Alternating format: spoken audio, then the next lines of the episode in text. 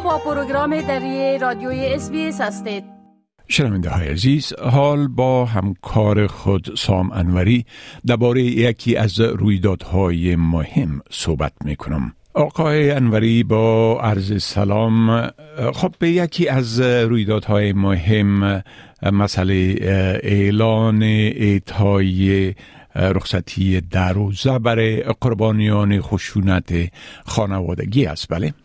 با سلام به شما و شنوندگان عزیز. بله همونطوری که شما را اشاره کردید حکومت فدرال تغییرات تازه را در قانون کار به اجرا گذاشته که بر اساس او تمام کارگران و کارکنان در استرالیا اکنون مستحق ده روز مرخصی استحقاقی یا مرخصی همراه با معاش خشونت خانگی یا خانوادگی در سال شناخته میشن.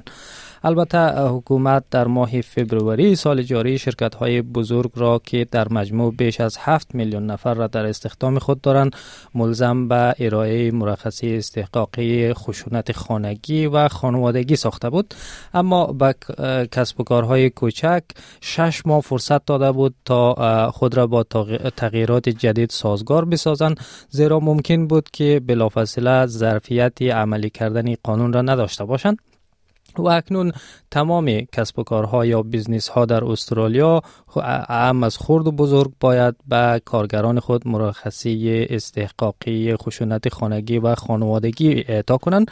وزیر کار تونی برک امروز سه شنبه با اعلام موضوع گفت که هیچ کس نباید مجبور باشه که بین ایمنی خودش و درآمد خود یکی را انتخاب کنه بله خب می‌تونین بگوین که چی دسته از کارگرا مستحق ای رخصتی هستند خب تمام کارگرا فرقی نمی‌کنه که به صورت تمام وقت یا full time کار می‌کنن یا پاره وقت یا part time و گاه‌به‌گاهی یا casual در صورتی که مورد خشونت خانگی یا خانوادگی قرار بگیرن مستحق این مرخصی شناخته میشن.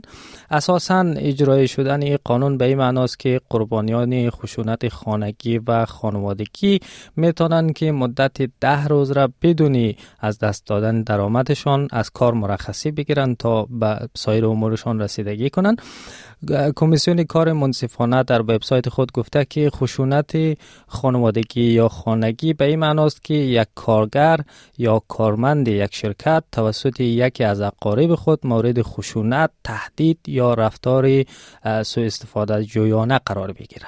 این کمیسیون گفته که کارگران یا کارمندان شرکت ها اگر توسط یکی از اقارب نزدیک عضو خانواده یا شریک جنسی فعلی فعلی یا سابق خود مورد خشونت قرار بگیرند.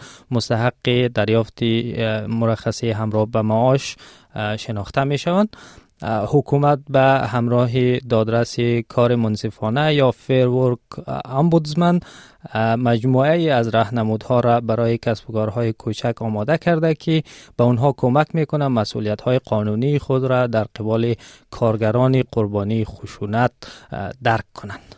بله خب با وجود تدابیر فراوانی که از جانب حکومت گرفته شده و همچنان مؤسسات شخصی برای جلوگیری از خشونت خانوادگی کار می‌کنه. دیده میشه که ای یک هنوزم یک مشکل بسیار بزرگ در جامعه استرالیا است. بله.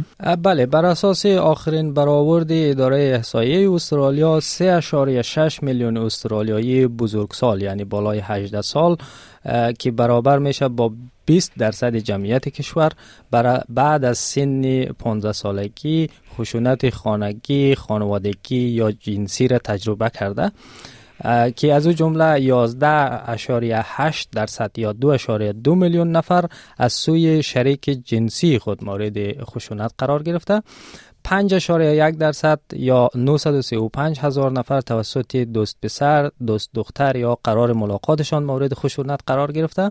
6.6 درصد دیگر یا 1.2 دو میلیون نفر توسط یک عضو دیگر خانواده خود مورد خشونت قرار گرفته و لازم به ذکر است که در حال حاضر به طور متوسط در هر هفته یک زن به دست همسر فعلی یا سابق خود در استرالیا به قتل می‌رسه. بله بسیار تشکر آقای انوری از این معلوماتتان و فعلا شما را به خدا می سپارم و روز خوش برتان آرزو می کنم تشکر از شما وقت خوش. می خواهید این گونه گزارش ها را بیشتر بشنوید؟ به این گزارشات از طریق Apple Podcast، Google Podcast، Spotify و یا هر جایی که پادکاستتان را می گیرید گوش دهید.